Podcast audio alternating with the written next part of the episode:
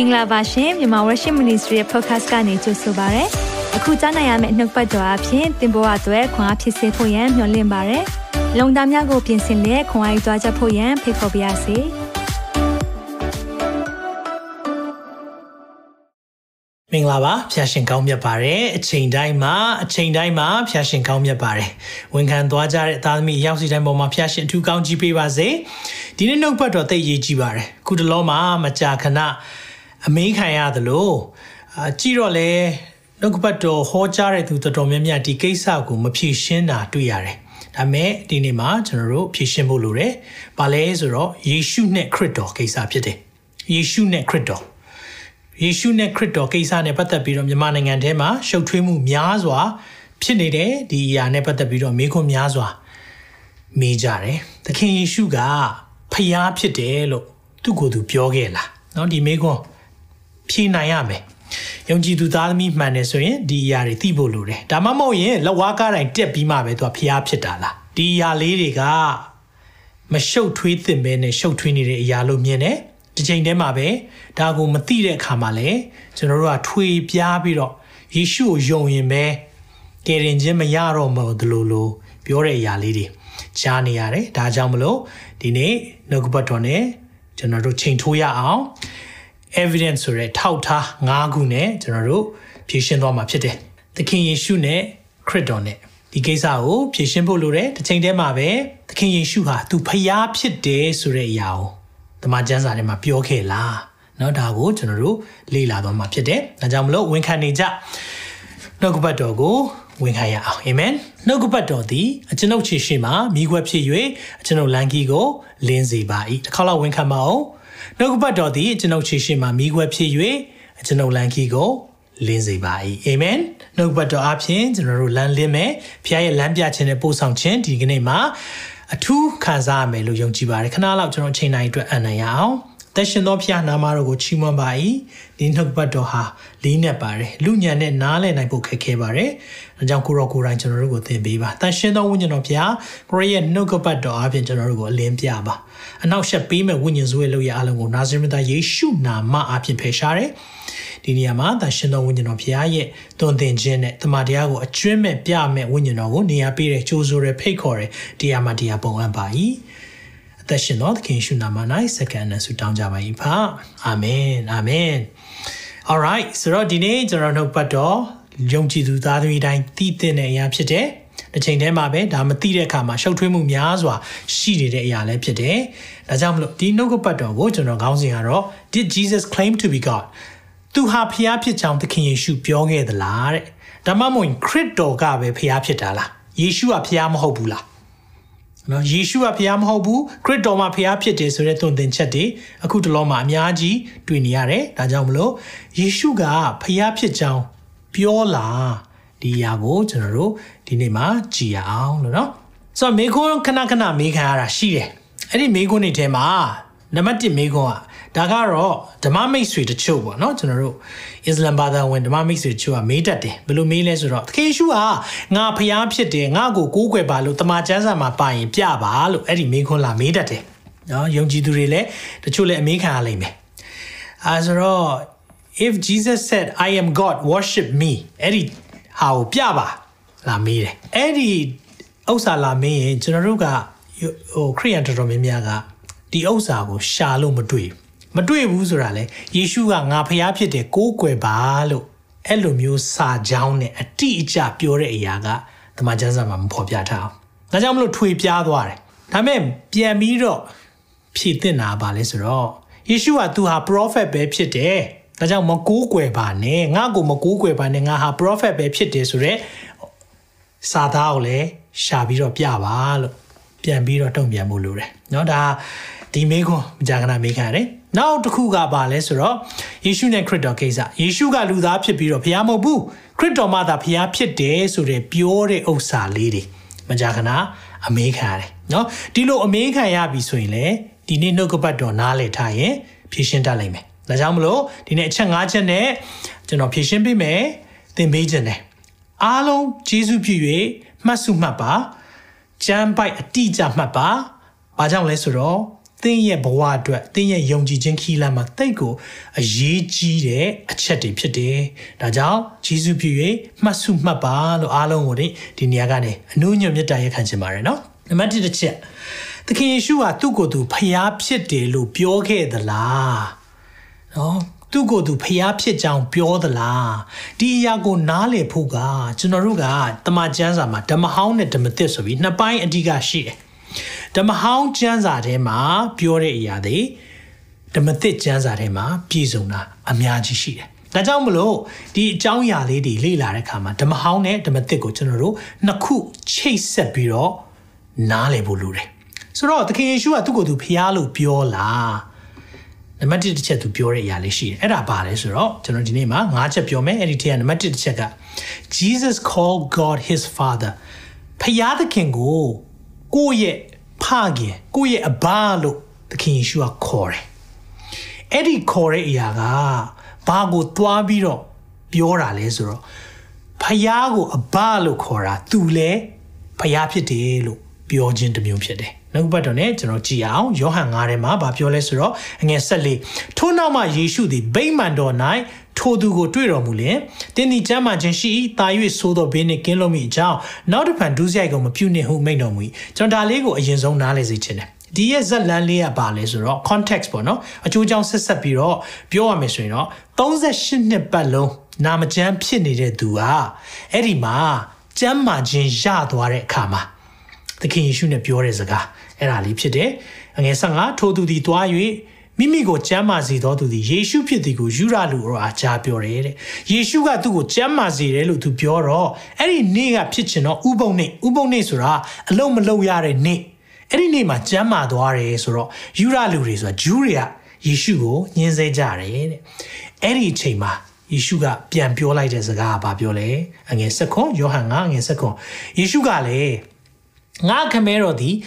ယခုတိုင်အောင်အလုတ်လုတ်တော်မူသည်ဖြစ်ငါသည်လည်းအလုတ်ငါခမဲတော်တဲ့အဲ့ဒီစကားကြားလဲကြားလိုက်ရောဂျူးတွေကဘယ်လိုတုံ့ပြန်လဲဆိုတော့အငယ်၁၈သို့ဖြစ်ဥပုံနဲ့ကိုဖျက်တီသာမကဥပုပ်ပဲဖြတ်တာမဟုတ်ဒီတယောက်ကဖျားသခင်ကိုမိမိပါဟုခေါ်၍မိမိကိုဖျားသခင်နဲ့ပြိုင်နှိုင်းတော်မူသောကြောင့်ယူရလူတို့သည်ကိုရော့ကိုတတ်ခြင်းကတာ၍ရှာကြံကြ၏ ဖျားနဲ့တူတူပဲလို့ပြောလိုက်တဲ့စကားဖြစ်နေတဲ့အတွက်ကြောင့်မလို့သူ့ကိုရှာပြီးတတ်တာတဲ့။ဒါကြောင့်မိတ်ဆွေကိုနားလေစေချင်တယ်နော်။ယေရှုခရစ်တော်ကအသက်ခံရမှဖျားဖြစ်သွားတာမဟုတ်ဘူး။ဖျားဖြစ်တယ်လို့ပြောလို့အသက်ခံရတာ။ပြန်ပြောမယ်နော်။ယေရှုခရစ်တော်ကအသက်ခံရပြီးမှကားတိုင်းတက်ပြီးမှကားတိုင်းမှာအသေးခံပြီးမှဖျားဖြစ်သွားတာမဟုတ်ဘူး။ဖျားဖြစ်တယ်လို့ပြောလို့ကိုအသက်ခံရတာ။အဲ့ဒါကိုသိဖို့လိုတယ်။။ ဒါကြောင့်ဒီအရာလေးတွေကျွန်တော်တို့ကမရှင်းလင်းတဲ့အခါမှာယေရှုကဘာလဲခရစ်တော်ကဘာလဲယေရှုကဘာလဲခရစ်တော်ကဘာလဲဒီအရာလေးတွေကိုနားလည်ဖို့လိုတယ်။ဒါကြောင့်ယေရှုကကောင်းကင်ဖကိုအဘာ my father ဖယားကို father လို့ခေါ်ခေါ်ရဲဆိုတာဒါကသူ့ကိုယ်သူဖယားနဲ့ပြိုင်နှိုင်းတယ်လို့ဂျူးတွေကယူဆတယ်။ဒါကြောင့်မလို့သူ့ကိုတတ်ဖို့ရှာတယ်ဒါနံပါတ်1အချက်ဖြစ်တယ်နော်။နံပါတ်2အချက် ယေရှုသုံးသွားတဲ့သူ့ကိုယ်သူသုံးဆွဲသွားတဲ့နာမည်တစ်ခုထဲမှာဖခင်ရဲ့နာမကိုသုံးသွားတယ်အဲ့ဒါက I am ဆိုတဲ့ငါဖြစ်သည်ဆိုတဲ့နာမဘုရားသခင်ရဲ့နာမမြတ်ကိုအသုံးပြုသွားတယ်ဒီဖရားရဲ့ဖရားလွတ်တဲ့လူတယောက်ပဲဖြစ်တယ်။နော် prophet သက်သက်ပဲဖြစ်တယ်။လူပုဂ္ဂိုလ်သက်သက်ပဲဖြစ်တယ်ဆိုရင်သူကဖရားနာမကိုသုံးလို့မရဘူး။သုံးဆွဲခွင့်မရှိဘူး။အဲ့ဒါကိုဘာခေါ်လဲဆိုတော့ blasphemy ။ဘာဘာကိုပြောတာလဲဆိုတော့ဖရားကို ဒါပြစ်မှားတဲ့အပြစ်ကျူးလွန်တယ်လို့သတ်မှတ်ပြီးတော့ခဲနဲ့ပေါက်သက်လို့ရတယ်။ဒါကြောင့်မလို့ဖယားနာမ၌ပဲဟောပြောတယ်ဆိုပြီးတော့ prophet တော်တော်များများကပြောကြတယ်။ဒါပေမဲ့သခင်ယေရှုကြတော့သူကို၌ကကိုဖယားနာမကိုသုံးသွားတယ်။ဒါလေးကိုဘယ်မှာတွေ့ရလဲဆိုတော့အဲ့ဒီဖယားနာမကိုအရင်ဆုံးကြည့်အောင်။ထွတ်မြတ်တာသုံးထဲမှာမောရှေကိုခေါ်တယ်။ဖယားကကဲအီဂျစ်မှာကြုံခံနေရတဲ့သူတွေကိုသွားကယ်ပါ။ အဲ့ဒီသူတွေအားလုံးကိုသွားပြီးတော့ကဲတင်ပါဒါဆိုရင်ဘသူလွတ်တယ်လို့ပြောရမလဲအဲ့ဒီမှာ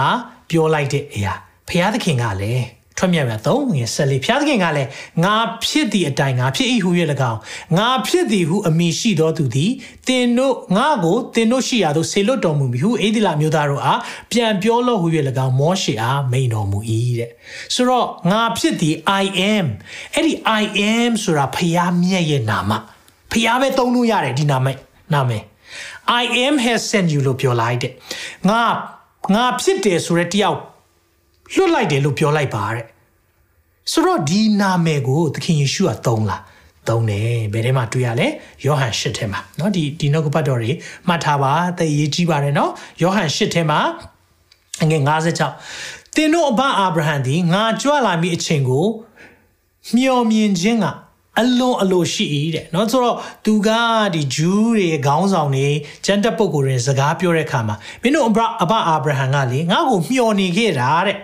မြင်ရသောအခါဝမ်းမြောက်ခြင်းတို့ရောက်သေးတယ်မြင်တော့ကလေဝမ်းမြောက်တယ်တဲ့စဉ်းစားကြည့်နော်သခင်ယေရှုကပြောလိုက်တဲ့စကားနော်အာဗြဟံလေငါ့ကိုတွေးကျင်တာတွေးတော့လေအယံဝမ်းမြောက်တယ်တဲ့ဒါဆိုရင်သခင်ယေရှုကဓမ္မဟောင်းမှာရှိလားရှိတာဗော ရှိလို့ तू ကပြောတာလေငါ့ကိုအာဗြဟံတွေ့တယ်တဲ့အဲ့မှာဘာဘာဖြစ်သွားလဲကြီးလိုက်နော်ယူရလူတို့ကလည်းတဲ့သင်ရဲ့အသက်ဒီ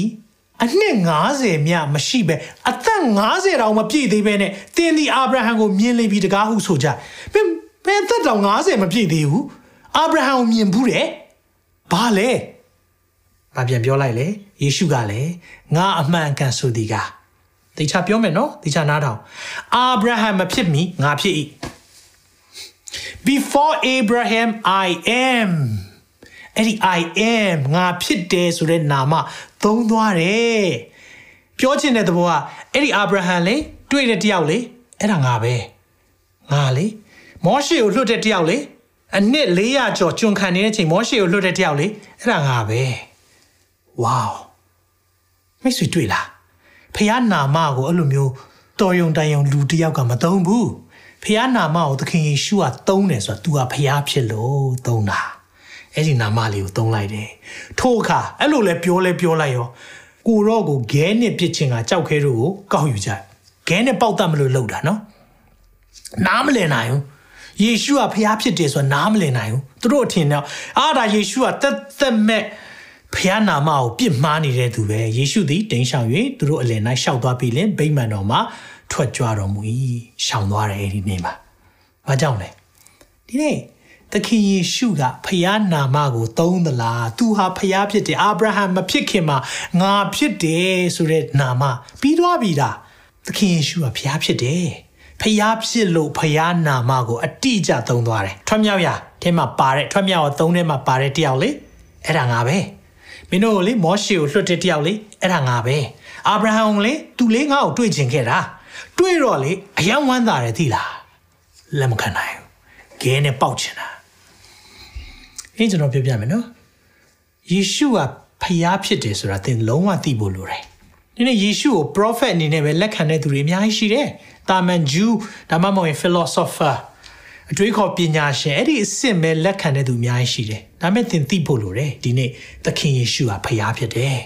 ဖျားနာမကိုသူပြောသွားတဲ့အပြင်ဖျားဖြစ်ကြောင်းကိုအတိအလင်းကိုကြီးညာသွားတာအဲ့ဒါကားတိုင်းတက်ပြီလားကားတိုင်းတက်ပြီလားမေးပါအောင်မယ်တက်ပြီလားဒီဖြစ်ဖြစ်ဖြစ်တဲ့ချိန်ကားတိုင်းတက်ပြီလားမတက်သေးဘူးကားတိုင်းမတက်သေးဘူးဖျားဖြစ်ကြောင်းပြောလားပြောတယ်ပြန်မိမယ်နော်ဒီအဖြစ်ဖြစ်ကားတိုင်းတက်ပြီလားမတက်သေးဘူး ကားတိုင်းမတက်ခင်ယေရှုကဖျားဖြစ်ပြီလားဖြစ်ပြီဒါအောင်နားလဲဖို့လိုတယ်နော်ဒါကြောင့်မလို့ဒီအရာကိုမသိတဲ့အခါမှာကားတိုင်းတက်ပြီးခရစ်တော်ဘွဲရမှပဲဖျားဖြစ်တယ်လို့လို့ no that's a wrong theology မာယွန်းသောအယူဝါဒဖြစ်တယ်ကားတိုင်းမတက်ခင်ကတည်းကယေရှုဟာဖျားဖြစ်ပြီးသားအဲ့ဒါကိုနားလည်ဖို့လိုတယ်နောက်တစ်ချက်ကဘာပြောထားလဲဆိုတော့နံပါတ်3ချက် Jesus claimed I and the Father are one ဖျားသခင်နဲ့သူနဲ့ဟာအတူတူဖြစ်တယ်တဲ့ one ဆိုတာတလုံးတဝတယ်အတူတူဖြစ်တယ်တဲ့ဖျားနဲ့သူကအတူတူပဲတဲ့ဆိုတော့ဒီစကလုံးပြောတယ်ဆိုရင်ဒါအင်မတန်မှကိုလေးနဲ့တဲ့အရာတွေဖြစ်တယ်နော်ဒါကြောင့်မလို့အသေးခံပြီးမှဖျားဖြစ်တာမဟုတ်ဘူးဖျားဖြစ်တယ်လို့ပြောလို့သူ့ကိုတတ်ဖို့ရှာကြံကြတာနှုတ်ပတ်တော်နဲ့ချက်လောက်ကြည့်အားယောဟန်30ထဲမှာအငယ်30ငါသည် ငါခမဲတော်နဲ့တလုံးတော်ရဖြစ်သည်ပြောလဲပြောချလိုက်ရောဘာဖြစ်တယ်ထင်လဲငါခမဲတော်နဲ့ငါနဲ့ we are one နဲ့ပြောလဲပြောချလိုက်ရောယူရလူတွေကိုရောကိုဂဲနဲ့ပြစ်ချင်းကတဖန်ကြောက်ခဲတို့ကိုကောက်ယူကြ၏ကြောက်ခဲနဲ့ပေါက်ဖို့ကြိုးစားတယ်ယေရှုကလည်းငါသည်ငါခမဲတော်ဤအခွင့်နဲ့ကောင်းသောအမှုရာများတို့ကိုသင်တို့အားပြပြီထိုမှုတို့တွင်အဘယ်မီသောအမှုကြောင့်ငါ့ကိုဂဲနဲ့ဘာကြောင့်တလောက်ကောင်းတဲ့အရာတွေငါလုပ်နေတာ ဘယ်ဘယ်ဘယ်ဘာကြောင့်ငါ့ကိုဂဲနဲ့ပေါက်ချင်တာလဲအဲ့လိုမင်းလိုက်တာဘာလဲပြောလိုက်လေယူရလူတို့ကကောင်းသောအမှုကောင်းသောအမှုကြောင့်ဂဲနဲ့ပြစ်သည်မဟုတ်တဲ့အဲ့ဒီကောင်းတဲ့မှုတွေကြောင့်လှုပ်တာမဟုတ်ဘူးတဲ့တင်းသည်လူဖြစ်လက်ပင်ဖျားသခင်ဖြစ်အောင်ဆောင်၍ဖျားသခင်ကိုလွန်ကျူးသောစကားကြောင့်ဂဲနဲ့ပြစ်မိလူဖြစ်ပြီးတော့ဖျားလို့ပြောလို့လူဖြစ်ပြီးတော့တဲ့ဖျားလို့ပြောလို့ဂဲနဲ့ပေါက်ချင်တာတဲ့သူတို့ပြောတယ် ပြောချင်တဲ့တပိတ်အတိတ်ပဲပါလေဒီနေ့နှုတ်ကပတ်တော်နဲ့ကျွန်တော်တို့ချိန်ထိုးတဲ့အခါမှာသခင်ယေရှုဟာသူဟာဖျားဖြစ်တယ်ဆိုတဲ့အရာကိုအမြဲတမ်းပြောတယ်ငါဖျားဖြစ်တယ်ကိုးကွယ်ပါအဲ့လိုတဲ့စကားမပြောပေမဲ့ဒီမှာဖျားနာမကိုသုံးသွားတာကျွန်တော်တွေ့ရတယ်သူနဲ့ဖျားနဲ့အတူတူဖြစ်တယ်လို့ပြောသွားတာတွေ့ရတယ်ဖျားကိုသူ့ရဲ့အဘလို့ခေါ်တာသုံးချက်เนาะဒီမှာကျွန်တော်တို့တွေ့ပြီးပြီကဲဒီအရာလေးတွေလေ့လာပြီးတဲ့အခါမှာ ကျွန်တော်တို့တစ်ခါလေကြာရင်မေးခွန်းမေးခြင်းတယ်ဒါဆိုရင်ယေရှုကလူပဲမဟုတ်ဘူးလားမှန်တယ်လူလည်းဟုတ်တယ်ဖျားလည်းဟုတ်တယ်လူလည်းလူသားစစ်စစ်တရားဖြစ်တယ်ဖျားလည်းတရားဖြစ်တယ်ဒါကိုเนาะဟို theology စကားတွေနဲ့ပြောရင်ရှုပ်ထွေးကုန်မှာဆိုလို့เนาะ hypostatic union ဆိုတာအဓိပ္ပာယ်ကပါလဲဆိုတော့ तू ကမောတတ်တယ်เนาะလူစားတိခံတဲ့ခါမှာလူလိုပဲပင်ပန်းတယ်အိပ်ဖို့လိုတယ်ဘိုက်စားတယ်စိတ်ဆိုးတတ်တယ်เนาะ ဒီအရာတွေနော်ငိုကြွေးတယ်တော့သူလာဇရုတည်တဲ့အချိန်မှာငိုတယ်စသဖြင့်သူ့မှာခံစားချက်ရှိတဲ့ຢာတွေရှိတယ်ဒါလူသားဖြစ်ကြောင်းသူပြတာတစ်ချိန်တည်းမှာပဲသူကဖျားလဲတရားရခိုင်နှုန်းဖြစ်တယ်ဒီဒီလိုမျိုးပုံကိုယေရှုခရစ်တော်တပါးပဲရှိတယ်ဒါအောင်နားလဲဖို့လို့ဒါကြောင့်မလို့သခင်ယေရှုကသူဖျားဖြစ်တယ်လို့ပြောခဲ့သလားဆိုတဲ့မိခွန်းတွေကယုံကြည်သူတွေဖြေတတ်ဖို့လိုပါတယ်ဆိုတော့ဒီမှာအချက်၃ချက် ဒီရဲ့အချက်ပြီးတဲ့အခါမှာနံပါတ်၄ချက်ဒီအချက်သိပ်အရေးကြီးတယ်နော်ဒီအချက်ကိုဒီအချက်ကိုရသွားတဲ့ Nabil Qureshi ဆိုတဲ့ Dr. Nabil Qureshi ဆိုတဲ့သူကဆရာဝန်ဆရာဝန်ကနေသူကမွတ်စလင်ဖြစ်တယ်သို့တော့အဲ့ဒီဒီခုနံပါတ်၄ချက်ပြောမဲ့အချက်ကိုသူနားလည်သွားတဲ့အချိန်မှာယေရှုဟာဖျားဖြစ်တယ်ဆိုတာလုံးဝယုံကြည်သွားပြီးတော့သူဟာခရိယန်တယောက်ဖြစ်လာတယ်ပြီးတော့ apologetic ဆိုတာ ခရိယန်ရဲ့ယုံကြည်ချက်ကိုခုခံကာကွယ်တဲ့သူတယောက်ဖြစ်လာတယ်။နော်ဆိုတော့အခုချိန်တော့သူအိမ်တော်ပြန်သွားပြီ။ဒါပေမဲ့ဒီအချက်ကသိအရေးကြီးတယ်ဆိုတဲ့အရာကိုယုံကြည်သူတွေကိုဒီနေ့ပြောပြချင်တယ်။အဲ့ဒီအချက်ကဘာလဲဆိုတော့သခင်ယေရှုကအမြဲတမ်းစကားပြောတိုင်းမှာသုံးတဲ့အသုံးနှုန်းလေးတစ်ခုရှိတယ်။အဲ့ဒီအသုံးနှုန်းကလူသားပြောကြည့်ပါလူသား လူသားသည်ပျောက်သောသူတို့ကိုရှာ၍ကယ်တင်အံ့သောငါကြွလာသည်လူသားသူကိုသူသုံးရင် son of man son of man လူသားလူသားလို့အဲ့ဒီအသုံးနှုန်းကိုမကြာခဏသုံးလေးရှိတယ်ဒါပေမဲ့အဲ့ဒီလူသားဆိုတဲ့သူသုံးလိုက်တဲ့အသုံးအနှုန်းကကျွန်တော်တို့လို့ငါဟာလူရိုးရိုးလူပဲလို့ပြောတာမဟုတ်ဘူးဒါကိုနားလည်ဖို့ကဂျူးတွေရဲ့ Hebrew ထုံးနှံအစင်လာလေးတွေကိုအရင်နားလည်ဖို့လိုတယ်ဆိုတော့ သူကဒီလူသားလူသားလို့ပြောတာကဘာကိုပြောချင်တာလဲနှုတ်ဘတ်တော် ਨੇ တစ်ချက်လောက်ကြည့်အောင် prophet ဒံယေလပြောတဲ့လူသားဖြစ်ကြောင်းဝန်ခံတာအဲ့ဒါအရေးကြီးတယ်နော်။ तू ပြောနေတဲ့လူသားလူသား son of man ဆိုတာနော်လူသားနဲ့လူသားဒီဥပုံနေကိုအစိုးရတယ်လို့ပြောရင်ဘာလို့အဲ့ဒီလူသားလို့သုံးတာလဲ။ဖျားသားနဲ့လူသားဘယ်ဟာကောင်းတယ်လဲ။ तू ကဖျားသားလည်းဟုတ်တယ်လူသားလည်းဟုတ်တယ်။ ဆိုတော့ဖះသားလို့ပြောတဲ့အခါမှာတချို့ကထင်တယ်ဖះကမေရောမာရီနဲ့เนาะကာမ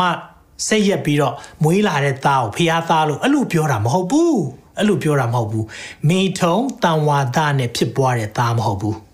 ဖះရဲ့တကိုးတော့တန်ရှင်သောဝိညာဉ်တော်အပြင်ဖြစ်ပွားတဲ့သားအဲကြောင့်မလို့ဖះရဲ့သားလူရဲ့เนาะလူသားယောသတ်ရဲ့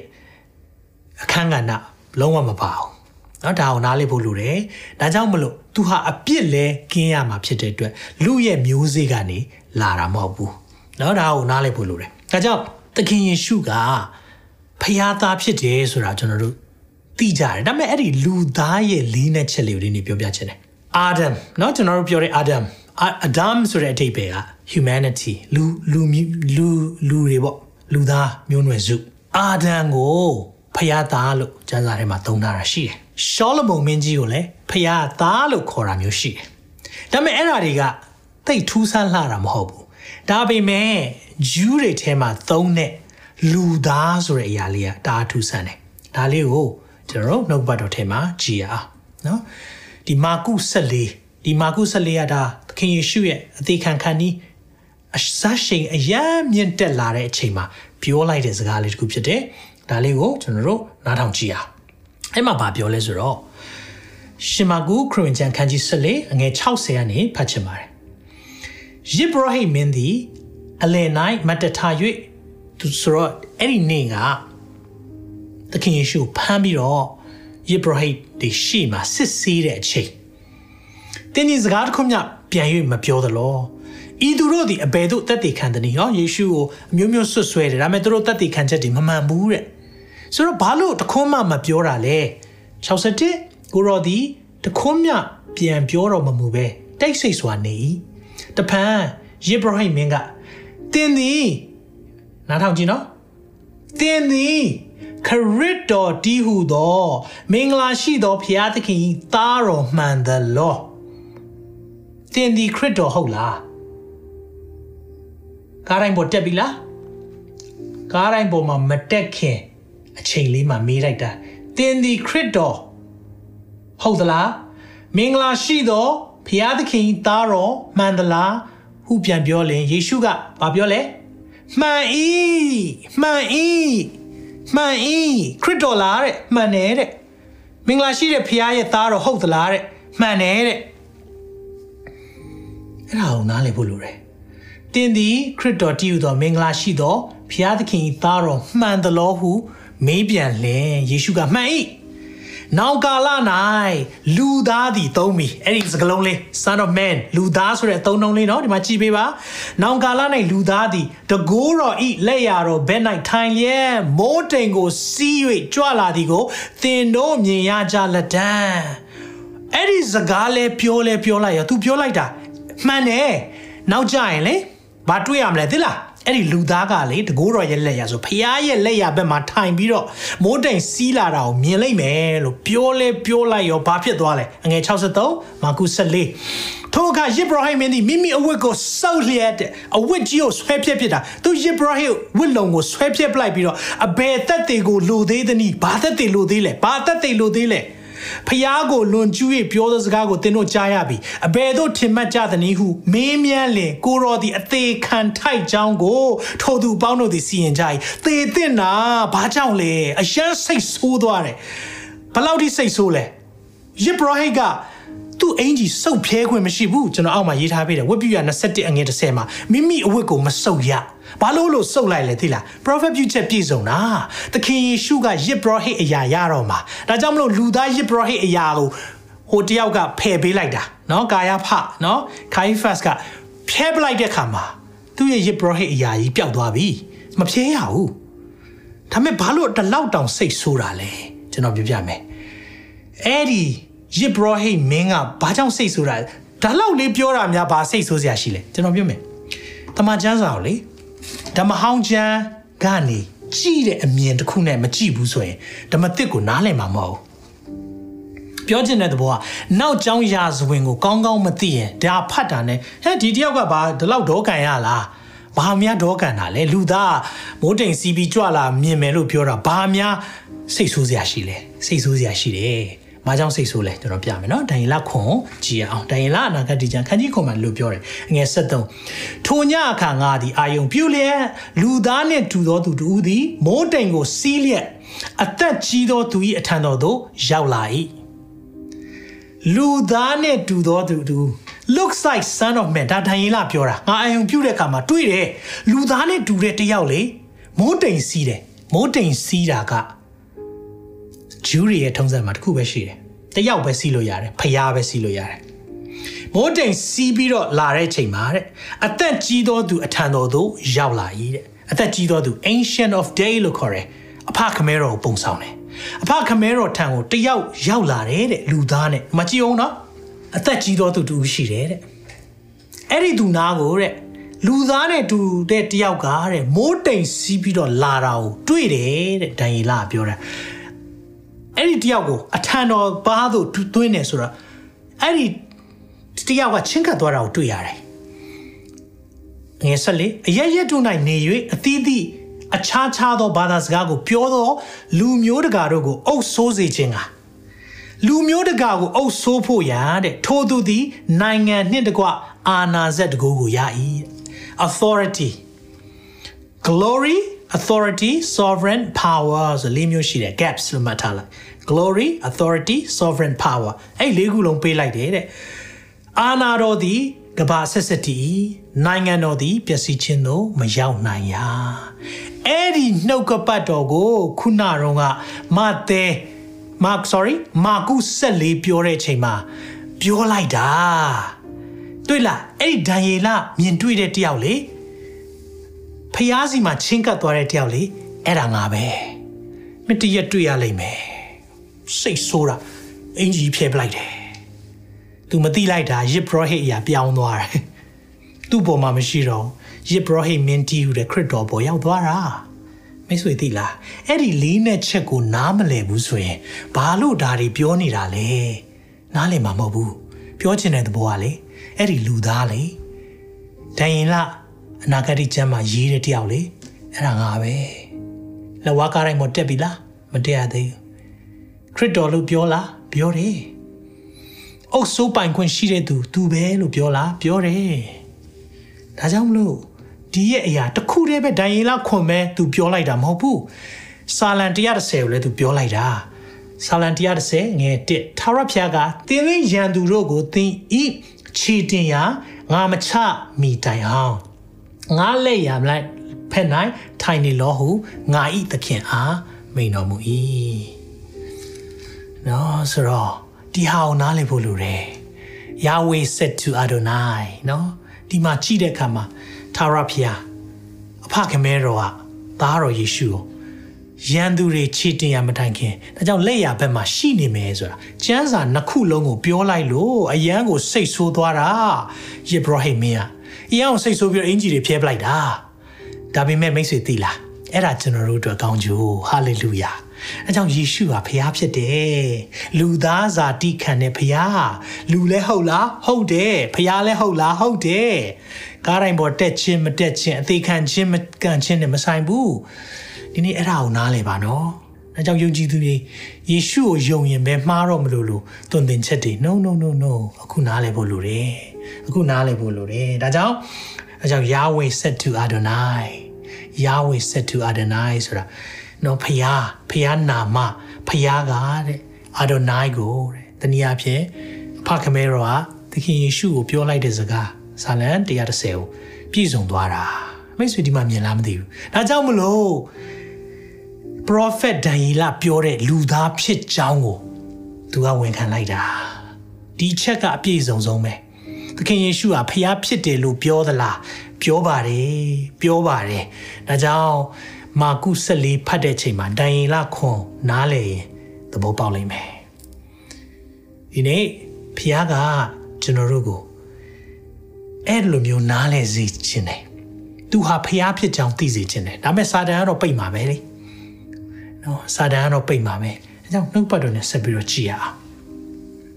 နံပါတ်5ချက် ခင်ယေရှုကဖျားဖြစ်လားဖျားဘောဖျားဖြစ်လို့ကိုးကွယ်ခြင်းကိုလက်ခံတယ်ဖျားမဟုတ်ရင်ကိုးကွယ်ခြင်းကိုလက်ခံလို့မရအောင်။ဘာကြောင့်လဲဆိုတော့ဗျာဒိတ်16ထဲမှာဗျာဒိတ်16မှာတွေ့တဲ့အခါမှာကောင်းကင်တမန်ကနော်ငယ်ကိုမှာကောင်းကင်တမန်ကလည်းတိုးတငယ်မင်္ဂလာဆောင်ပွဲသို့ဖိတ်ကြားခြင်းကိုခံရသောသူတို့သည်မင်္ဂလာရှိကြ၏ဟုရေးထားလို့ဟူ၍၎င်းဤစကားသည်ဖျားသခင်နှုတ်တော်နှုတ်တော်ထွက်စစ်စစ်ဖြစ်၏ဟု၍၎င်းငါအားပြောဆို၏အဲ့ဒီမှာရှင်ယောဟန်က ကောင်းကင်မန်နဲ့တွေ့တော့ငါသည်ထိုသူကိုကိုးကွယ်ခြင်းကသူဤခြေရင်၌ပြက်ဝဲကောင်းကင်မန်ကိုကိုးကွယ်မလို့လှုပ်တော့သူကလည်းမပြုတ်နဲ့တဲ့မပြုတ်ပါနဲ့ငါကသင်လှုပ်ဖို့ဆောင်ပဲဖြစ်၏အဲ့ဒီမှာသုံးတဲ့စကားယေရှုဤတက်သေးခံတော်မူချက်ပြောကြည့်ပါယေရှုဤတက်သေးခံတော်မူချက်ခရစ်တော်ဤတက်သေးခံတော်မူချက်လားယေရှုဤတက်သေးခံတော်မူချက်ကိုစောင့်တော့သင်ဤညီကိုတို့ဟိုဤလှုပ်ဖို့ဆောင်ဖက်လည်းဖြစ်၏ဖရာသခင်ကို ကိုးကွယ်လို့ဖရာပဲကိုးကွယ်ရမှာငါလေမင်းတို့နဲ့လှုပ်ဖို့ဆောင်ဖက်ပဲဖြစ်တယ်ဒါကြောင့်မလို့ဖရာကိုပဲကိုးကွယ်ပါတဲ့အဲ့လိုလဲပြောလဲပြောလိုက်ရောဒီနေ့သဘောပေါက်သွားတယ်အော်ယေရှုယေရှုကဘာလို့အကိုးကွယ်ခံတာလဲကိုးကွယ်ခံလားကိုးကွယ်ခံတယ်မဿဲခန်းကြီး2အငယ်7မှာနော်မေရိုမာရီသူငယ်လေးကိုမြင်တဲ့ခါမှာတဲ့ပြက်ဝတ်ကိုးကွယ်တယ်ပြောကြည့်ပါပြက်ဝတ် ကိုးကွယ်တယ်ယေရှုကကိုးကွယ်ခံလားဟောဒါငယ်သေးလို့ဖြစ်မှာပေါ့မဟုတ်ပါဘူးကြီးလာတဲ့အချိန်မဿဲ14မှာရောက်တော့လဲ31မှာအဲ့ဒီမှာလှိုင်းတဘိုးတွေနဲ့နော်လေပေါ်မှာရောက်တဲ့ချိန်မှာတပည့်တော်တွေပီကျူတို့အားလုံးကြောက်လန့်နေတဲ့အချိန်မှာရောက်တဲ့ခါမှာလေကိုညင်သက်ဖို့လုပ်လိုက်တယ်အငယ်33လေသားတို့သည်ချင်းကပ်၍စင်စစ်ကိုတော်သည်ဖျားသခင်သားတော် မှန်ပါသည်ဟုဘာလို့လဲညွတ်ပြက်၍ရှောက်တယ်အဲ့ဒါမှာ worship ဆိုတဲ့အသုံးနှုန်းဖြစ်တယ်ညွတ်ပြက်ကိုးကွယ်တာပြတယ်ဒါပဲလားမဟုတ်ဘူးမာသဲ28ထဲမှာအငယ်9မှာလမ်းမှာသွားကြစဉ်ယေရှုသည်ကြိုဆိုတော်မူ၍သင်တို့အားမင်္ဂလာဖြစ်စေတည်းဟုမိန်တော်မူ၏ထိုမိန်းမတို့သည်ချင်းကပ်၍ခြေတော်ကိုဖက်ရန်လျက်ပြက်ဝတ်ကိုကွယ်ကြ၏ကိုကွယ်ခြင်းကိုလက်ခံလားသခင်ယေရှုကလက်ခံတယ် နော်လက်ခံတယ်ဒါကြောင့်ဒါပဲလားမာသဲ28ထဲမှာလည်းအငယ်16မှာတကြိတ်တပါတော့เนาะအဲ့ဒီအချိန်မှာတော့စတရဝက်ချန်နဲ့တပည့်တော်တို့သည်ဂါလိလဲပြည်သို့သွား၍ယေရှုမှာထားတော်မူသောတောင်ပေါ်သို့တက်ကြလင်ကိုတော်ကိုတွေ့မြင်၍ဘာလုပ်လဲပြက်ဝတ်ကိုးကွယ်ကြ၏နော်ကိုးကွယ်ခြင်းကိုလက်ခံနေဖရားဖြစ်တယ်။အာဒါက तू ကကားတိုင်းပေါ်တက်ပြီးလို့တခုကြတော့လေဒါကလေးမို့လို့ပြက်ဝတ်ကိုးကွယ်တာခံတယ်လို့ထင်ရင်ဒီတခုလေး ကျွန်တော်ပြချင်တယ်ဒီမှာလဲရှင်လုကာ24မှာလဲတပည့်တော်သူဒီကိုရောကိုပြက်ဝတ်ကိုးကွယ်တယ်ဆိုတာကိုတွေ့ရတယ်လူကာ24အငယ်52မှာဒီတခုလေးကြည့်ပေးပါနော်ဒါလေးပြောပြီးတော့ကျွန်တော်ဆုံးသက်ချင်တယ်ရှင်ယောဟန်ခရစ်ဝင်ကျမ်းခန်းကြီး9ထဲမှာအဲ့ဒီမှာဘာတွေ့ရလဲဆိုတော့ငွေ32ကိုဖတ်ကြည့်အောင်အမိဝမ်းတွင်းကပင်မျက်စိကန်းသောသူကို မျက်စိမြင်စေခြင်းကတတ်နိုင်တတ်နိုင်သည်ကိုကဘာဥမှဆ၍မကြားစဘူး ဖျားပဲလုံနိုင်တယ်မေရှိယတာပြုတ်လုံနိုင်တဲ့နမိတ်လက္ခဏာတွေမှာဒီတခုပါတယ်33ထို့သူသည်ဖျားသခင်စေလွတ်တော်မူသောသူမဟုတ်လင်အဘယ်အမှုကိုများမတတ်နိုင်ဘူးပြောဆို၏ထို့သူတို့ကလည်းသင်သည်မွေးစားကပင်တကိုယ်လုံး၌ဒုစရအပြစ်ဆွဲအပြစ်ဆွဲတော်သူဖြစ်လျက်ပင်ဖြစ်လျက်နဲ့ငါတို့ကိုဆုံးမပါသည်ကပြောဆိုကြရင်ထိုသူကိုတရားစီရင်မှနင်ထုတ်တယ်မျက်စိဝမ်းလေးကနေ မွေးစားကလေးကနေမျက်စိကန်းတဲ့သူတယောက်မျက်စိမြင်သွားတာအဲ့ဒီမြင်သွားတဲ့သူအကြောင်းကိုရှင်ယောဟန်ခရစ်ဝင်ခန်းကြီး9ထဲမှာတွေ့ရတာဖြစ်တယ်ဆိုတော့အဲ့ဒီအကြောင်းကိုပြောနေတဲ့အချိန်မှာနော်ငယ်35နဲ့ပြန်ကြည့်အောင်နင်ထုတ်သည့်အကြောင်းကိုယေရှုသည်ကြားပြီးမှထိုသူကိုတွေ့တော်မူလျင်တင်းသည်ဖျားသခင်သားတော်ကိုယုံကြည်သလားဖျားရဲ့သားတော်ယုံလားလို့မေးတဲ့အခါမှာသခင်အကျွန်ုပ်ယုံကြည်မိအကြောင်းဖျားသခင်သားတော်က အဘယ်သူနည်းဖျားသားဘယ်မှာလဲတဲ့မေးတယ်ယေရှုကတင်းသည်ထိုသူကိုမြင်ခဲ့ပြီးသည်သာမကတင်နဲ့ယခုစကားပြောသောသူသည်ဖျားသခင်ဤသားတော်ဖြစ်၏သူဖျားဖြစ်တယ်ဆိုတော့ပြောတယ်ကားတိုင်းမတက်သေးပါဘူးဖျားသားဖြစ်တယ်နော်တဲ့ဒီမှာပြောလိုက်ပြီးသခင်အကျွန်ုပ်ယုံကြည်ပါ၏ဟုရှောက်၍မလုပ်လဲညွတ်ပြက်ကိုးကွယ်လေ၏ ဒီနေ့ကိုးကွယ်တယ်အကယ်၍ယေရှုကလူသားပဲဖြစ်တယ်ဆိုအဲ့ချိန်မှာကိုးကွယ်ခံမှာမဟုတ်ဘူးအကယ်၍သူကတာမန်တမန်တော်တက်တက်ပဲဖြစ်တယ်ဆိုရင်ဒီလိုကိုးကွယ်ခြင်းကိုလက်ခံမှာမဟုတ်ဘူးအငယ်39ဖတ်ကြည့်အောင်ဒီအရာလေးတိတ်ကိုရည်ကြည်တဲ့အချက်ဖြစ်တယ်ထိုအခါယေရှုကလည်းမျက်စိမမြင်သောသူသည် မြင်စေခြင်းက၎င်းမမြင်တဲ့သူမြင်ဖို့ မြင်သောသူကို မျက်စိကန်းစေခြင်းက၎င်းငါသည်တရားစီရင်ဤလောကသို့ရောက်လာပြီဒီနေ့တချို့လူတွေကန်းနေကြတယ်ယေရှုဟာဖျားဖြစ်တယ်ဆိုတာကိုမမြင်နိုင်ဘူးအဲ့လိုကန်းနေတာအဲ့ဒီမှာကျွန်တော်တို့ပါသွားဖို့မဟုတ်ဘူးယေရှုဆိုတဲ့နာမည်လေးကိုကောအတိတ်ပဲအများကြီးရှိတယ် God saves အပြစ်မှကယ်ချွတ်မိသူတဲ့ယေရှုရဲ့အတိတ်ပဲอ่ะဒါဆိုရင်ယေရှုကိုမယုံနဲ့လို့ပြောတာဘာနဲ့တူလဲအပြစ်မှကယ်ချွတ်မဲ့သူကိုမယုံနဲ့လို့ပြောတာနဲ့တူတယ်ဒီနေ့ကျွန်တော်ဒီအကြောင်းစဉ်းစားကြည့်တဲ့အခါမှာငါအလုံးနားလဲစိတ်ချင်းတဲ့အတွက်ဒီဥပမာလေးတွေတော့ ပြောပါပြောပြပေးမယ်ပြည့်စုံတဲ့ဥပမာတော့မဟုတ်ဘူးပေါ့နော်ဒါပေမဲ့ဟိုနားလည်လွယ်အောင်ပြောပြမယ်ဆိုတော့မြန်မာနိုင်ငံရဲ့လွတ်လပ်ရေး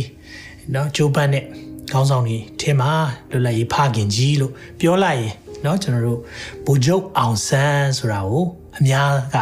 ဒါအသိမှတ်ပြုကြတယ်ဗိုလ်ချုပ်အောင်ဆန်းဆိုတော့အောင်ဆန်းဆိုတာကသူ့ရဲ့နာမည်ဒီပုဂ္ဂိုလ်အောင်ဆန်းလို့ခေါ်တယ်သူ့ရဲ့ဘွဲရပါလေအောင်ဆန်းရဲ့ဘွဲရဘူဂျုတ်ဘူဂျုတ်အောင်ဆန်းဆိုတဲ့အရာကကျွန်တော်ကြားရင် ဘိုးအောင်ဆန်းလည်းဖြစ်ခဲ့ဘူးတယ်နော်အဲ့ကနေနောက်ဆုံးကျွန်တော်သိတယ်ဘိုးချုပ်အောင်ဆန်းဒါဆိုရင်ကျွန်တော်ကပြောမယ်မြန်မာနိုင်ငံရဲ့လွတ်လပ်ရေးကိုအောင်ဆန်းလုပ်ခဲ့တာမဟုတ်ဘူးဘိုးချုပ်လုပ်ခဲ့တာလို့ပြောရင်ခင်ဗျားဘာပြောမလဲအဲ့လိုဖြစ်နေယေရှုခရစ်တော်ဆိုတာယေရှုဆိုတာပုဂ္ဂိုလ်သူ့ရဲ့နာမည်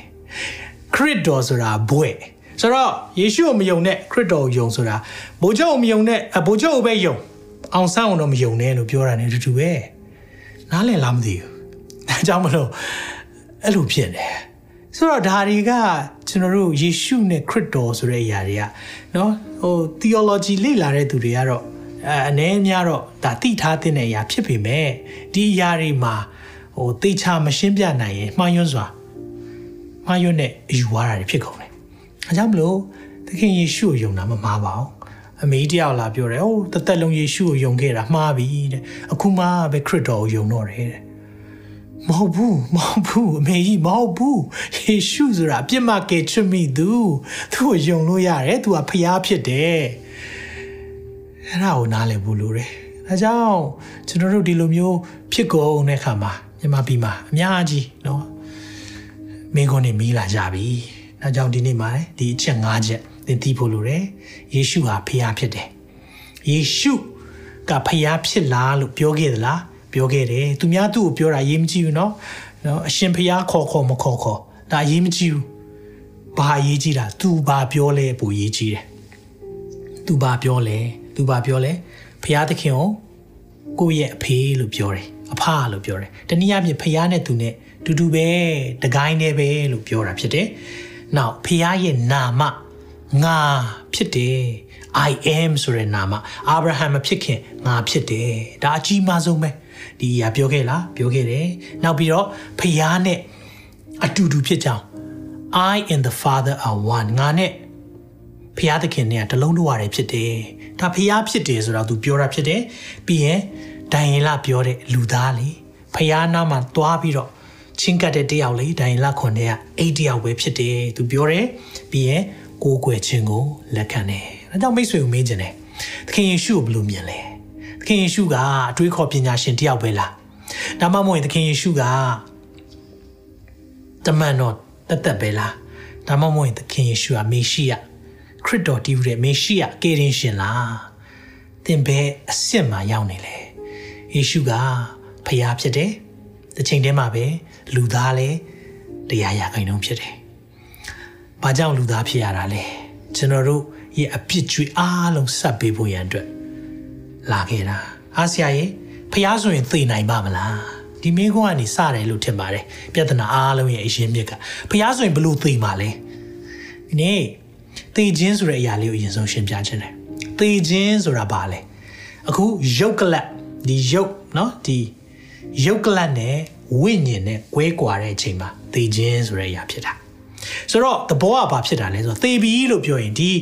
ယုတ်ကလတ်ရဲ့ဖြစ်တည်ခြင်းရက်သွားတယ်ဒါပေမဲ့မရက်သွားတာတခုရှိတယ်အဲ့ဒီဝိညာဉ်ရဲ့ဖြစ်တည်ခြင်းနဲ့ရက်တည်ခြင်းဘယ်တော့မှမရက်သွားအောင်တနည်းအားဖြင့်အခုလူတင်သေးပြီဆိုတင်းရဲ့ကိုခန္ဓာကတော့ပုတ်ပြတ်သွားမှာဒါပေမဲ့တင့်ဝိညာဉ်ဘယ်တော့မှမသိဘူးထုံနည်း၎င်းပဲသခင်ယေရှုက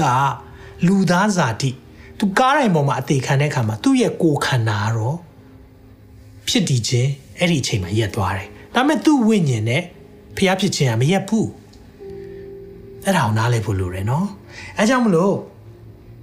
သူကလဝါကားထဲမှာမပြောလဲအသက်ဝိညာဉ်ကိုအပ်ပါတယ်တဲ့သူလို့ပြောတာအဲကြောင့်မလို့ဖျားဆိုရင်ဘလို့သိမှာလဲဒါကြောင့်မလို့သူကလူသားတရားရာခိုင်နှုန်းဖြစ်တဲ့အခါမှာလူရဲ့ဒီနာကျင်တတ်တဲ့ကိုယ်ခန္ဓာအိုခြင်းနာခြင်းသိခြင်းနဲ့မကင်းနိုင်တဲ့ကိုယ်ခန္ဓာ သိဆုံးသွားတယ်သို့တော့ ဝိညာဉ်မသိဘူးထိုနည်း၎င်းပဲသခင်ယေရှုကသူ့ရဲ့ကိုယ်ခန္ဓာလက်ဝါးကားတိုင်းမှာသိပြီမယ်သူ့ရဲ့ဝိညာဉ်နဲ့ဖျားဖြစ်ခြင်းအမရက်သွားအောင်တောင်းနားလည်ဖို့လိုတယ်ဒါကြောင့်မလို့သူဟာဖျားပဲဖျားဖြစ်တယ်အဲ့ဒါဖျားဖြစ်ကြောင်းကိုဘာနဲ့သက်သေထူလဲအဲ့ဒီပြက်သုံးသွားတဲ့သေခြင်းเนาะရက်ဆိုင်သွားတဲ့ဖြစ်တည်ခြင်းရက်သွားတဲ့ကိုယ်ခန္ဓာ သုံးရက်မြောက်သောနေ့မှာပြန်ရှင်တယ်ဖျားဖြစ်ကြောင်းအကောင်းဆုံးသောသက်သေပြချက်ဖြစ်တယ်လူတိုင်းကဖျားလို့ကိုယ်ကိုကြီးညာလို့ရတယ်နော်ကြီးညာပါတယ်ပြောကြတယ်ဒါပေမဲ့သက်သေပြဖို့လိုတယ်သေခြင်းမှန်အောင်အောင်မယ်သေခြင်းကနေထမြောက်နိုင်ရမယ်သခင်ယေရှုကတော့ရှင်းရှင်းလေးပြခဲ့တယ်သူရဲ့အသက်ရှင်ခြင်းခရစ်နှစ်2000နဲ့မှ22ခရစ်နှစ်လို့သုံးပါတယ်သခင်ယေရှုရှိလားလို့သိရင် ဒီနှစ်ကဘာနှစ်လဲ2022ခရစ်နှစ်လို့ခေါ်တယ် Anno Domini a year of our Lord ခရစ်နှစ်လို့သုံးပါတယ်အကြောင်းမိတ်ဆွေခရစ်တော်အသက်ရှင်စေဖြစ်တယ်ကျွန်တော်တို့ပြန်လာခေါ်มาဖြစ်တယ်ဒီကဘာကတော့ဆိုတဲ့ဆိုသွားလိမ့်မယ်ဒါမဲ့သင်ရဲ့ဝိညာဉ်လွတ်မြောက်ခြင်းရပြီလားလို့မိခွန်းမေးချင်ပါတယ်သင်ရဲ့ဝိညာဉ်ကယ်တင်ခြင်းရပြီလားမိတ်ဆွေကိုမေးချင်ပါတယ်မိတ်ဆွေမိခွန်းနေရှိနေလား သခင်ယေရှုကတော့သူဖျားဖြစ်တယ်လို့အတီလင်ပြောတယ်ငါ့ကိုယုံကြည်တော်သူသည်သေလွန်တော်လဲရှင်လိမ့်မယ်လို့ဂတိပေးရတဲ့ဘုရားဖြစ်တယ်။ဒါကြောင့်သခင်ယေရှုဟာဘုရားဖြစ်ကြောင်းဒီနေ့ယုံကြည်လက်ခံပါ။သင်လက်ခံခြင်းနဲ့ဆိုကျွန်တော်ဆုတောင်းပေးခြင်းနဲ့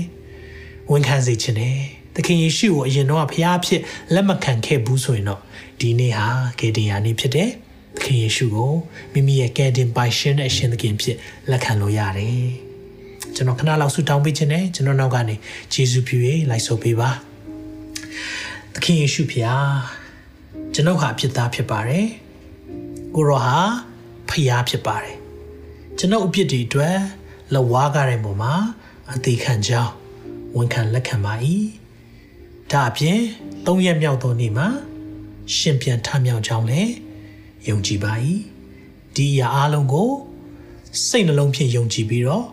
နှုတ်ဖြင့်ဝန်ခံပါတယ်ဒါကြောင့်မလို့ဒီကနေ့ဟာကျွန်ုပ်ရဲ့ကယ်တင်ရာနေ့ဖြစ်စေပါကျွန်ုပ်ဘဝတစ်ခုလုံးကိုကိုရောလက်ဝဲနိုင်အနံပါ၏တပါးဒီတော်သားတော်မြတ်သခင်ယေရှုနာမ၌ဆုတောင်းပါ၏အာမင်အာမင်မိတ်ဆွေခရစ်တော်ကိုစိတ်လုံးသားတွေကနေယုံကြည်ပြီးတော့နှုတ်ဖြင့်ဖခင်သားဖြစ်တယ် သူကိုဝိညာဉ်တော်အားဖြင့်ပြန်ပြီးတော့ရှင်ပြန်ထမြောက်တယ်ဆိုတဲ့အရာကိုစိတ်လုံးဝယုံကြည်ပြီးနှုတ်ပြန်ဝန်ခံရင်ကယ်တင်ခြင်းရတယ်လို့တမန်ကျမ်းစာပြောပါတယ်။အကြောင်းသင်ရဲ့သက်တာမှာသခင်ယေရှုနဲ့ဆက်လက်ပြီးတော့ဘဝကိုရှောက်လန်းပါငါတို့ကိုအလျင်စွန့်ပြည့်၍မထားဘူးလို့ပြောတယ်ဘုရားဖြစ်ပါတယ်။ကကပါ ကုံသည့်တိုင်အတူရှိမယ်လို့ဂတိပေးတယ်ဘုရားဖြစ်ပါတယ်သင်နဲ့အတူရှိတယ်။ဒါကြောင့်မလို့ဘုရားကိုဆက်လက်အားကိုးပြီးတော့အသက်ရှင်ပါလို့ဒီနေရာကနေတိုက်တွန်းချင်ပါတယ်ကျွန်တော်ဆုတောင်းပေးပါမယ်။ဒီမကြမ်းပါတဲ့သူများအာခက်ခဲရှိနေသူများအားလုံးပေါ်မှာတည်ခြင်းကနေရှင်ပြန်ထမြောက်စေတဲ့တကူတော်တန်ရှင်သောဝိညာဉ်တော်ရဲ့တကူတော်အဖြစ်သင်တို့ရဲ့အသက်တာကိုဘုရားမဆာဖို့ကျွန်တော်ခဏလောက်ဆုတောင်းပေးခြင်းနဲ့အ သက်ရှင်တော်ဖျားမကြမ်းမာတဲ့သူများဒီထဲမှာရှိပါတယ်လုပ်ငန်းအဆင်မပြေတဲ့သူများရှိပါတယ်စာဝတ်နေခက်ခဲနေတဲ့သူများရှိပါတယ်ဘဝမှာအဖက်ဖက်ကနေစီးပွားရေးခက်ခဲပြီးတော့ချွတ်ချုံကြနေတဲ့မြန်မာနိုင်ငံမှာမြောက်များစွာသောသူများဒုက္ခနဲ့ကြုံနေရပါတယ်ဒီရအားလုံးကိုဒီနေ့ကိုရောရဲ့အခွင့်နာမအားဖြင့်ကြော်လွှားနိုင်ပါမိအကြောင်းကိုရောခွန်အားပေးပါသေခြင်းကို ရှင်ပြန်ထမြောက်စေတဲ့ ဖခင်ရဲ့ဝိညာဉ်တန်ရှင်းသောဝိညာဉ်တော်အဖြစ်ကျွန်တော်တို့ရဲ့နေ့ရက်တိုင်းကိုမာစာပို့ဆောင်ပါသခင်ယေရှုသည်ဖခင်ဖြစ်ကြောင်းဝန်ခံပါ၏သခင်ယေရှုသည်ဖခင်ဖြစ်ကြောင်းကိုဝန်ခံပါ၏သခင်ယေရှုသည်ဖခင်ဖြစ်ကြောင်းကိုဝန်ခံပါ၏အကြောင်းကျွန်တော်တို့ရဲ့အသက်တာကိုကိုရောလမ်းပြ၍ကောင်းချီးပေးပါမာစာပို့ဆောင်ပါဒီနှုတ်ကပတ်တော်ကိုရောနားလည်စေပါကျွန်တော်ရဲ့အသက်တာမှာဒီနှုတ်ကပတ်တော်အဖြစ်ကျွန်တော်ယုံကြည်ချက်တာ၍ခိုင်မြဲဖို့အကြောင်းဖြစ်စေပါ ယေရှုတင်တယ်လမ်းပြပါဒီနေ့စိတ်မသာညီးတွားတဲ့သူများအားလုံးအတွက်လည်းဆုတောင်းပေးပါတယ်ဖခင်ရဲ့ညီသက်ခြင်းသူတို့ပေါ်မှာတက်ရောက်ပါစေမကြမ်းပါတဲ့သူများကြမ်းမာခြင်းခွင့်ရရှိပါမိကြောင်းဆုတောင်းပေးတယ်တစ်ချိန်တည်းမှာပဲစီးပွားရေးခက်ခဲနေတဲ့သူများဖခင်ရဲ့ကြွေးမွေးခြင်းစောင့်ရှောက်ခြင်းရှိပါမိကြောင်းဆုတောင်းပေးတယ်တစ်ချိန်တည်းမှာပဲကိုရောမဟိုမပြောင်းလဲသေးတဲ့မိသားစုဝင်များအတွက်ဆိုရင်တော့ကရောက်နေတဲ့မိသားစုများအားလုံးအတွက်လည်းဒီနေ့မှာကိုရိုနာမှာအဖြစ် ကောင်းကြီးပေးဆုတောင်းပါတယ်ကိုရောသူတို့ကိုချစ်ပြီးတော့သူတို့ပြောင်းလဲစေချင်တာတဲ့ပိုပြီးပြောင်းလဲစေချင်တယ်ဆိုတာကိုနားလည်ဖို့ရန်အတွက်ကိုရောကောင်းကြီးပေးပါတစ်ချိန်တည်းမှာပဲစပားရှင်ထံမှာဝင်းမဲ့တဲ့စပားတွေရိတ်သိမ်းနိုင်မဲ့လုံသမားတွေအတွက်လည်းတောင်းပါတယ်ကိုရောကိုယ်တိုင်လွှတ်ပေးပါသူတို့ကြားတဲ့နှုတ်ပတ်တော် ကြားတဲ့သချင်းတက်တဲ့ခံချက်တစ်ခုခုအပြင်ကိုရရဲ့စကားပြောခြင်းကိုကြားသိပြီးတော့ကိုရောနောက်ကိုလိုက်တော်သူများဖြစ်ဖို့ရန်ဆုတောင်းပေးတယ်ဒီနေ့နှုတ်ပတ်တော်တက်ကိုရောယေရှုတင်တယ်ပို့ဆောင်တဲ့အရာအတွက်ယေရှုတင်တယ်ချီးမွမ်းခြင်းဂုဏ်ပြုခြင်းအားလုံးကိုရောအားပေးပါ၏ဒီပါစီတော့တာရမြတ်သခင်ရှုနာမ၌အလိုရည်သည်စားနဲ့ဆုတောင်း၍ဒီစီစဉ်အားလုံးကိုဒီမှာပဲယုံနေယုတ်သိမ်းကြပါ၏ပါအာမင်အာမင်အာမင် ထာဝရဘုရားသည်သင်ကိုကောင်းချီးပေး၍ဆောင်မတော်မူပါစေသောထာဝရဘုရားသည်သင်၌မျက်နာတော်အလင်းကိုလွှတ်၍ဂိယူနာကျေးဇူးပြုတော်မူပါစေသောထာဝရဘုရားသည်သင်ကိုမျှော်ကြည့်၍ချမ်းသာပေးတော်မူပါစေသောလူတွေရဲ့ကြံစည်မမိနိုင်တဲ့ဘုရားထံမှလာတဲ့ညီသက်ခြင်းများဝမ်းမြောက်ခြင်းနဲ့ကျမ်းမာခြင်းများသင်နဲ့သင်မိသားစုပေါ်မှာတည်ရောက်ပါစေနောက်ထုတ်လွှင့်ချက်မှာပြန်လည်ဆုံတွေ့ပါအောင်မယ်နော် God bless you all တင်ခုလိုနာဆင်ခွန်အားနိုင်ခြင်းဟာမြန်မာ Worship Ministry ကိုလာဆင်ပန်ပိုးနေကြတဲ့ Kingdom Partners များအကြောင်းဖြစ်ပါတယ်။ဖျားခင်နိုင်ငံတော်ကျယ်ပြန့်ရေးအတွက်လာဆင်ပေးကမ်းပောင်းဖို့ရန်ဖိတ်ခေါ်လိုပါတယ်ရှင်